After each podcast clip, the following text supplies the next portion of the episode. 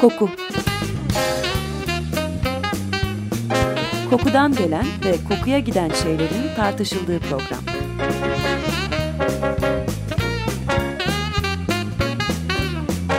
Hazırlayan ve sunan Vedat Ozan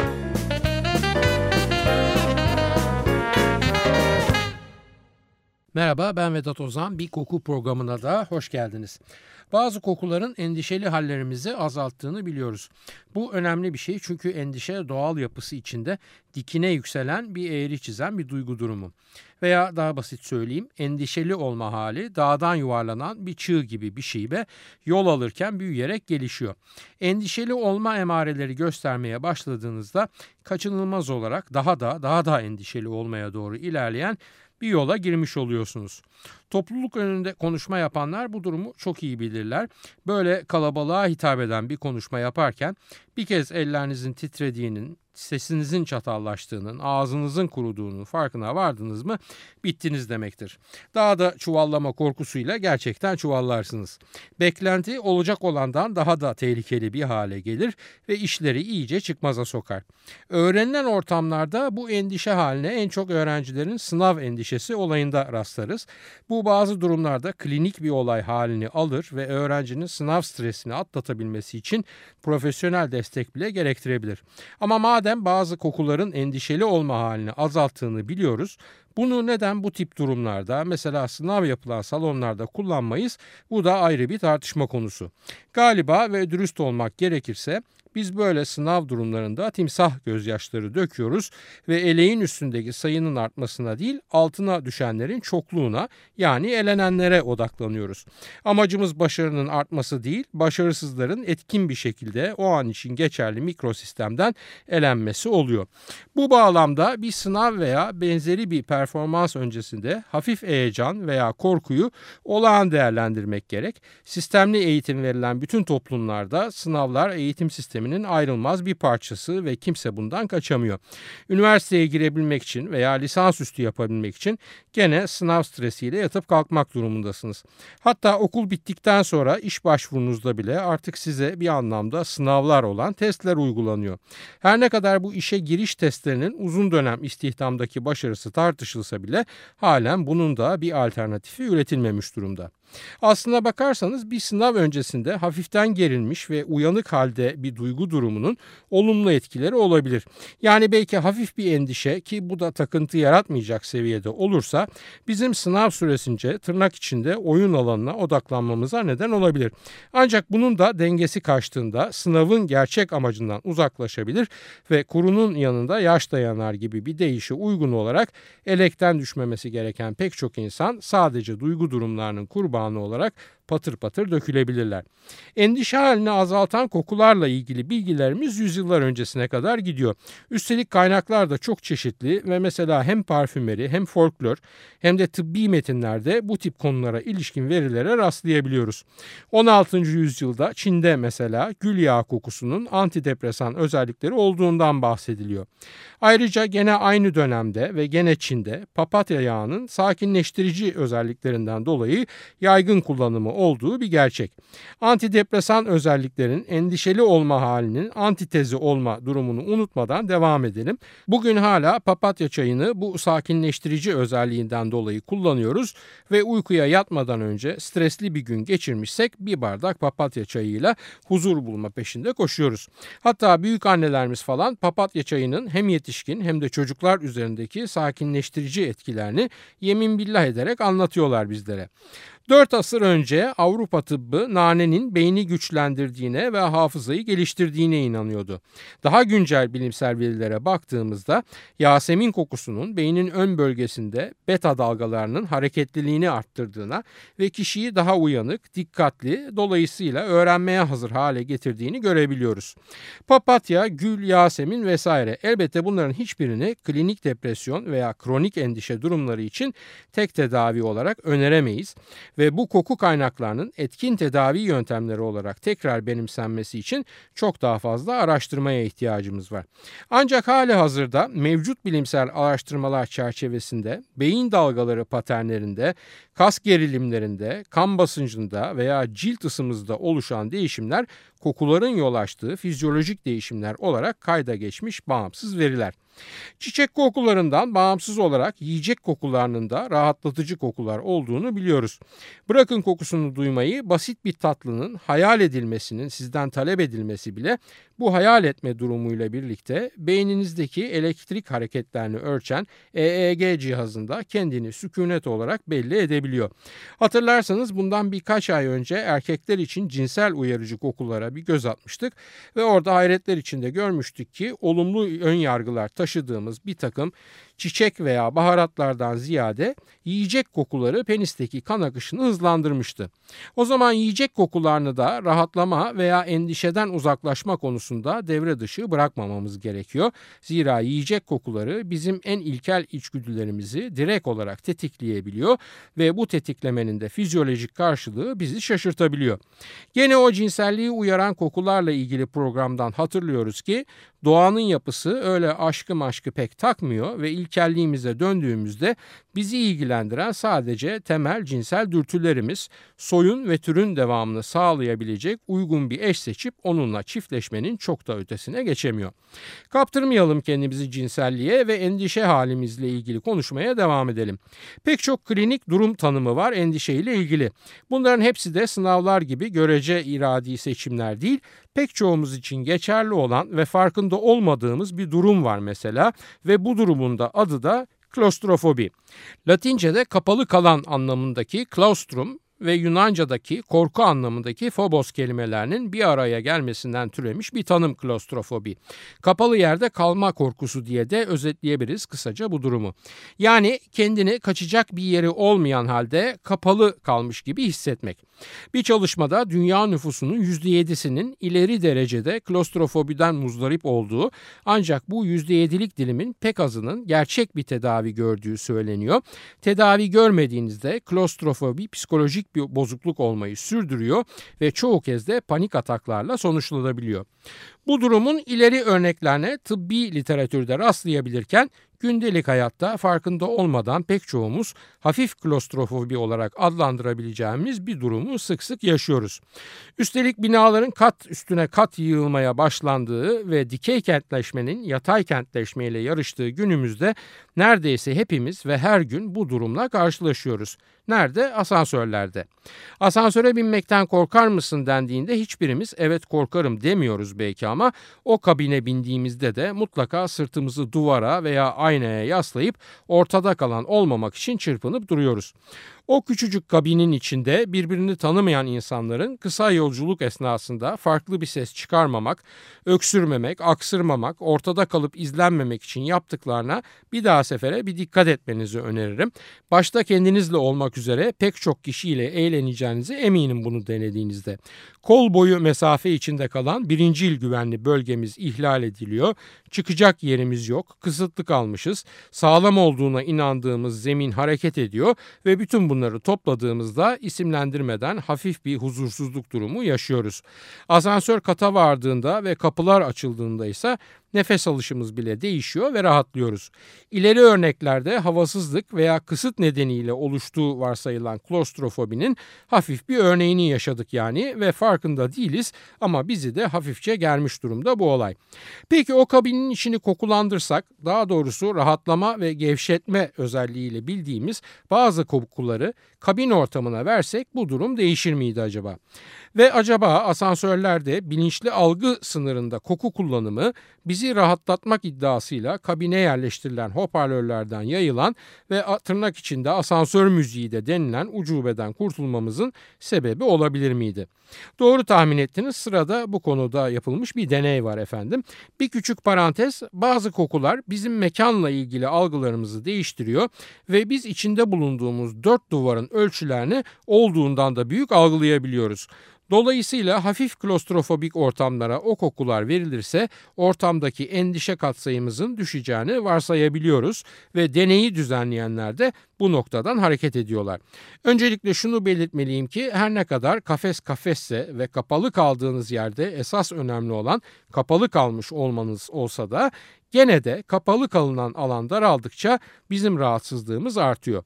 Bu cümleyi tersten irdeleyerek kapalı kaldığımız alan büyüdükçe rahatsızlığımız tamamen kaybolmamasına rağmen azalır da diyebiliriz.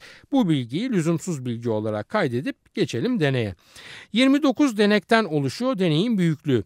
Bu deneklerin hepsi de daha önce gerçekleşen başka bir deneyde hafif ve geçici klostrofobik şikayetleri olduğunu bildirmiş kişiler arasından seçilmişler. Denekler küçük bir solunabilir aygıtla ki bu aygıt aynı zamanda koku salınımı da yapan bir aygıt.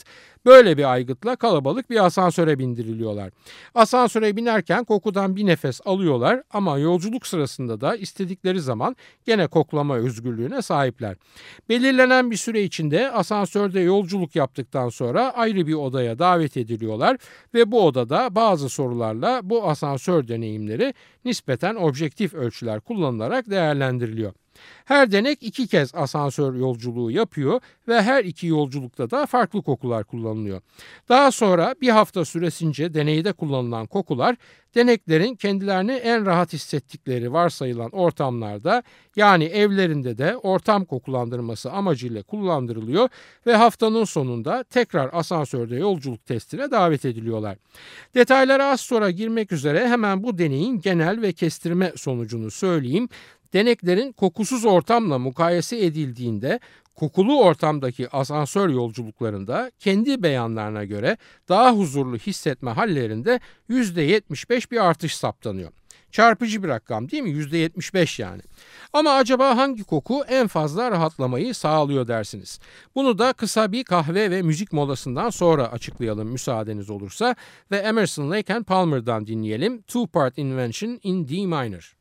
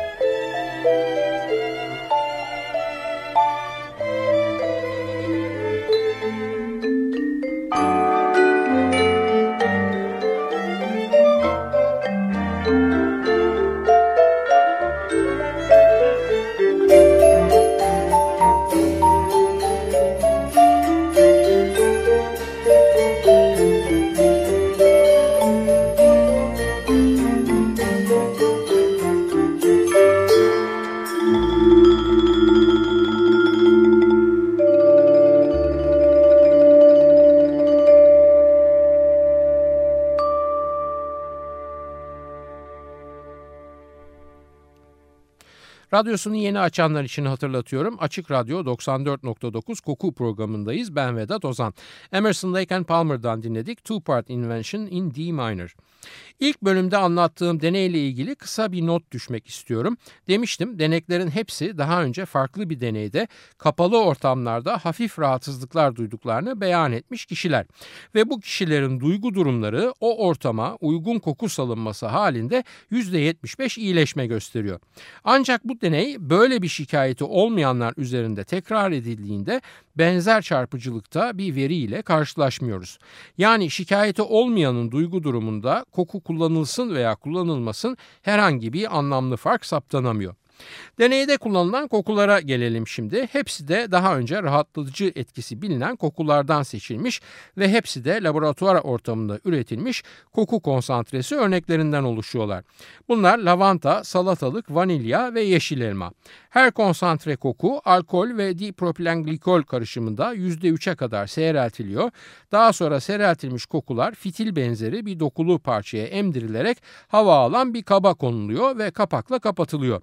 Kapların üzerinde içindeki kokuların ismi yazmıyor ancak kapaklar farklı renklerde ve deneyi yürütenler hangi renkle hangi kokunun eşleştiğini elbette biliyorlar. Asansörlerde denekler dahil 8'er kişi yer alıyor ve toplam kat sayısı da 28 kat. Şimdi bu deneklere madem asansörle seyahatten hafif de olsa huzursuzluk duyuyorsun. Deli misin evladım sen kalkıp böyle işlere niye girişiyorsun diye bir soru sormak geçebilir aklınızdan. Hemen cevaplayayım onlar adına. Bu deneye katılmış olmanın karşılığında hepsine 125'er dolarlık birer çek veriliyor. Akçalı işlere atlayıp devam edelim. Deney pratiğe dönüşürken hemen asansöre binmeden önce 29 deneyin 21'i hissedilebilir seviyede bir rahatsızlık ve endişe duyduklarını belirtiyorlar. Test skalası 1 ile 5 arasında ve belirtilen rahatsızlıklar orta seviyeden yüksek seviyede rahatsızlığa doğru bir eğri gösteriyor.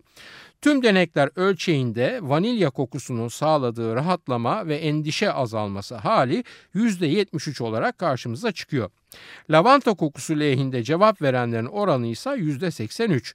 Salatalık kokusu bu deneyde %63'lük bir sonuç veriyor. Sıra yeşil elmaya geldiğinde ise sonuç %75. Gördüğünüz gibi en düşük fark %63'lük bir olumlu değişim gösteriyor ki bu da sanırım oldukça ciddiye alınması gereken bir sonuç. Bizim aynı deneyciler bu deneyden aldıkları gazla işi biraz daha ileri götürmeye karar veriyorlar ve bu kez migrenle koku arasındaki ilişkiyi irdelemeye karar veriyorlar. Neden migren? Çünkü deney Amerika Birleşik Devletleri'nde yapılıyor ve Amerika Birleşik Devletleri nüfusunda kadınların %25'i erkeklerin ise %8'i migrenden muzdarip. Ayrıca bu ülkede migren nedeniyle kaybedilen iş gücü saatinin endüstriye yaklaşık maliyetinin 35 milyar dolar civarında olduğu söyleniyor. E milyar dolarlar söz konusu olunca elbette bu konuda araştırmalara gaz vermek doğal hale geliyor. Bu kez denek grubu biraz daha büyük ve 33'ü kadın 17'si erkek olmak üzere 50 kişiden oluşuyor. Hepsinde kronik baş ağrısı saptanmış durumda ve bu durumda klinik raporlarla kanıtlanmış halde. Deneklere kalem şeklinde ve içinde elma kokusu emdirilmiş bir fitil olan tüpler veriliyor. Tüplerin birer ucu açılıp açılan kısımdan koku alınabiliyor. Deneyde tek koku örneği kullanılıyor ve o da yeşil elma kokusu. İki aşamalı bir deney bu ve ilk aşamada koku tübü olmadan yaşanan migren ataklarının değerlendirilmesi, ikinci aşamada da her atak sırasında tüpten yeşil elma kokusu koklandıktan sonra yapılan değerlendirmeler listeleniyor. Bir de üçüncü aşama var ki o da ilk aşamanın tekrarı ve kontrol grubu görevini üstleniyor. Deneyin sonucu oldukça ilginç. Neden ilginç? Çünkü hedonik diyebileceğimiz sübjektif bir değerlendirmenin karıştığını görüyoruz işin içine. Ne demek istiyorum bunu derken? Şunu demek istiyorum. Denek elma kokusunu zaten seviyorsa çıkan sonuç farklı. Elma kokusundan hoşlanmıyorsa çıkan sonuç farklı oluyor. Ama ilginçlik bu aşamadan sonra başlıyor. Zira her iki beğeni grubunda da sonuçlar blok halinde çıkıyor. 50 deneyin 35'i yeşil elmayı sevmiyor ve bu 35 kişinin hepsi kokuyu koklamış olmanın migren atağı ve ağrısının algısında herhangi bir değişikliğe yol açmamış olduğunu rapor ediyorlar. Yeşil elma seven 15 denekte ise gene blok halinde yani 15'te 15 olarak migren atağının gücü hissedilir derecede azalıyor test sonucuna göre. Yani kendimize uyarlarsak eğer yeşil elma kokusunu seviyorsanız ve migrenden şikayetçiyseniz baş ağrılı bir dönem geçirirken yanınızda yeşil elma kokan bir şeyler bulundurmakta, belki elmanın kendisini belki de kokusunu çantada tutmakta sayısız fayda var. Çünkü bayağı kolaylaştırabilir hayatınızı böyle bir tedbir. Bilim ilerliyor, araştırmalar da öyle. Bu bahsettiğim deneyin çarpıcı sonuçlarının teknik analizini tam olarak bugün için yapamıyoruz. Yani demem o ki ulaştığımız sonuçlara bizi götüren psikolojik algımız mı yoksa fizyolojik değişimler mi kesin olarak olarak bu verilere sahip değiliz. Ancak şunu biliyoruz ki baş ağrılarımızı düzenleyenler bazı nörotransmitterler. Yani sinir sistemimiz boyunca hücreler ve nöronlar arasında iletişim sağlayan kimyasal taşıyıcılar. Yani mesela serotonin, dopamin, norepinefrin ve beta endorfin. Bu kimyasal iletişim ustaları aynı zamanda bizim koku alma merkezimizde de mevcutlar. Bu tesadüfün üzerinden giderek yapılacak kapsamlı bir araştırma hedonik tercihi yeşil elmadan yana olanların neden bu kokuyu kokladıklarında baş ağrılarından kurtuldukları sorusuna daha derin ve geniş bir açıklama getirecektir sanıyorum. Koku, endişe ve rahatlama ile ilgili bir başka sayfayı açalım şimdi müsaadeniz olursa. Vanilya ile kiraz arası diyebileceğim bir kokusu olan bir molekül var. İsmi heliotropin. Piperonel ismiyle de bildiğimiz bu heliotropin molekülü yapay vanilya aroması elde edilmesi sırasında ve dolayısıyla ucuza aldığınız pek çok şekerlemenin içinde kullanılıyor. Tahmin edebileceğiniz gibi eser miktarda da olsa gerçek vanilya ekstraktının yani özütünün kimyasal yapısı içinde de bu heliotropin veya diğer adıyla piperonal mevcut. Ancak esas kaynağı çok önceki bir yayınımızda bahsettiğimiz sassafras bitkisi. Sassafras içindeki safrolden üretilen bir aldehit yani bizim heliotropin. Vanilyadan mülhem heliotropinin de rahatlatıcı ve stres azaltıcı bir etkisi olduğu biliniyor. Zaten mevcut pratikte de bu özelliğinden pek çok şekilde yararlanılıyor. Koyalım bu tatlı tatlı vanilya kokan heliotropini bir tarafa ve atlayalım MR veya uzun ismiyle manyetik rezonans görüntüleme aygıtına. Nedir bu alet ve ne işe yarar? Bu alet kısaca radyolojide kullanılan bir tıbbi görüntüleme tekniği ve bize ayrıntılı iç organ veya iç doku analizleri veriyor diyebiliriz. İcat eden Dr. Raymond Damadyan Adam yıllarca mıknatıslar yardımıyla detaylı vücut analizi yapacak bir cihaz yaratmak için uğraşıyor ve sonunda 1977 yılında ilk prototip ortaya çıkıyor. Güçlü bir iletken mıknatıs vasıtasıyla ve gene güçlü bir manyetik alan yaratıyor Damadyan ve öğrencileri ve bu alanı da anten tellerinden bir bobinle destekliyorlar. Alet ortaya çıkıyor ama içine girecek gönüllü bulunamıyor. Mecburen doktor beyin kendisi gönüllü oluyor tabii bu durumda ve makinenin içine girip çıkıyor. Ancak maalesef bu ilk denemede ortaya hiçbir veri çıkmıyor. Orada öğrencilerden biri diyor ki hocam kusura bakma ama sen biraz fazla iri kıyım kalmış olabilirsin bu makine için. Daha ufaraktan bir arkadaşımız girse de öyle denesek bu muhtereme. Hemen daha zayıf bir öğrenciyi sokuyorlar aletin içine ve ilk MR seansı 5 saat gibi felaket uzun bir sürede gerçekleşiyor. İlk alete bir isim Indomitable yani Yılmaz ismi veriliyor ve bugün elbette müzelik o alet. Hakikaten müzelik ve Smithsonian Institute'da sergileniyor gerçekten. Ve geçen yıllar içinde elbette teknik olarak acayip gelişmiş durumda bu tanı cihazları. Damadyan belki o ilk görüntüleme prensibinin mucidi oluyor ancak pratikte onun yaptığı örnek çok da büyük bir ticari başarı gösteremiyor ve benzer başka bir sistem Paul Lauterbur'un tasarladığı sistemi kullanıyoruz bugün.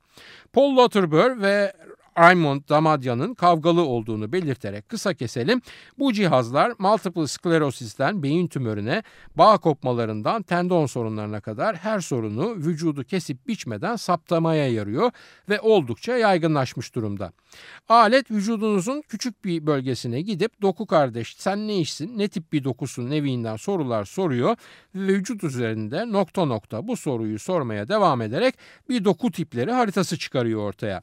Daha sonra bu verilerin hepsi birleştiriliyor ve Fourier transform denilen bir matematiksel formül bağlamında iki boyutlu görseller veya üç boyutlu modeller yaratılıyor. Bilgisayar dönem protonlardan gelen veriyi matematik veri olarak algılıyor ve daha sonra bu algılanmış veri resimleştiriliyor. Bu nedenle zaten görüntüleme kelimesi eklenmiş durumda manyetik rezonansın ardına.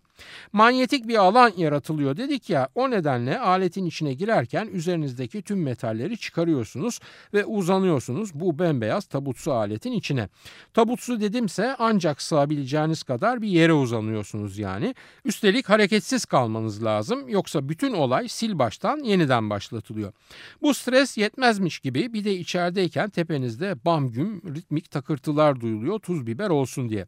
Yani sırf bu rahatsız ortam nedeniyle imkan olsa oradan hemen kaçacak pek çok insan ben şahsen tanıyorum. Tamam tanı yapılıyor ve kesilip biçilmiyorsunuz ama içeride yatarken de acaba bu manyetik alan benim organizmamı nasıl etkiliyordur falan diye evhamlanmaktan da geri kalamıyorsunuz haliyle. Tam anlamıyla keyifsiz ve huzursuz eden bir deneyim yani. E bizim de konumuz zaten bizi huzursuz eden durumlarla koku aracılığıyla nasıl başa çıkabileceğimiz değil miydi? O zaman hemen bir kenara bıraktığımız kendi halinde tatlı tatlı vanilya kokan heliotropinimize geri dönüyor ve iki başlığı birleştiriyoruz. Sloan Kettering Kanser Araştırmaları Merkezi'nde bir araştırma yapılıyor bu MR cihazından duyulan rahatsızlıkların artması üzerine. MR cihazının daracık kabinine yani içine zor sığılan ve sürekli tepenizde bam güm sesler öten tabutumsu mekana heliotropin kokusu veriliyor ve çıkışta hissedilen rahatsızlığın kokusuz ortamda gerçekleşen MR deneyimiyle karşılaştırılması isteniyor. Sonuç çarpıcı, heliotropinle kokulandırılmış kabinden çıkan hastaların duygu durumları kokusuz kabinle mukayese edildiğinde %63 iyileştirme gösteriyor. Yani hastalar %63 daha az rahatsızlık rapor ediyorlar kokulandırılmış kabinden çıktıklarında. Umarım bu yayını bizdeki MR cihazı görevlileri veya bu cihazı bulunduran tıbbi işletme sahipleri dinliyorlardır.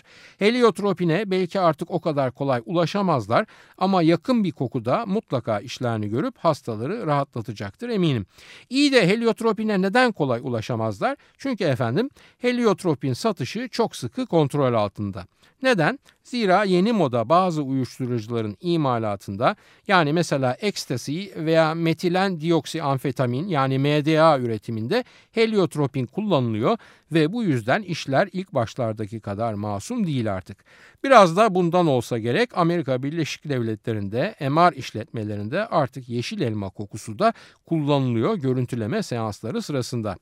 Haftaya bir başka kokuda buluşmak üzere hoşçakalın diyorum efendim. Soru öneri eleştirileriniz için e-posta adresimizi hatırlatalım. kokuprogrami.yahoo.com Yayınlarımızda adı geçen konulara ilişkin görselleri her zaman olduğu gibi biraz sonra facebook.com Taksim Vedat Ozan Koku adresinde de görebilir. Yorum ve sorularınızı oraya da yazabilirsiniz. Ben Vedat Ozan, radyonuz kokusuz kalmasın sevgilerimle.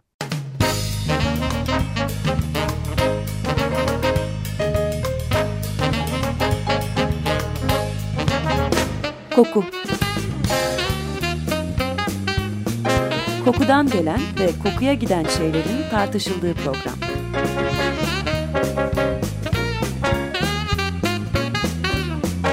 Hazırlayan ve sunan Vedat Ozan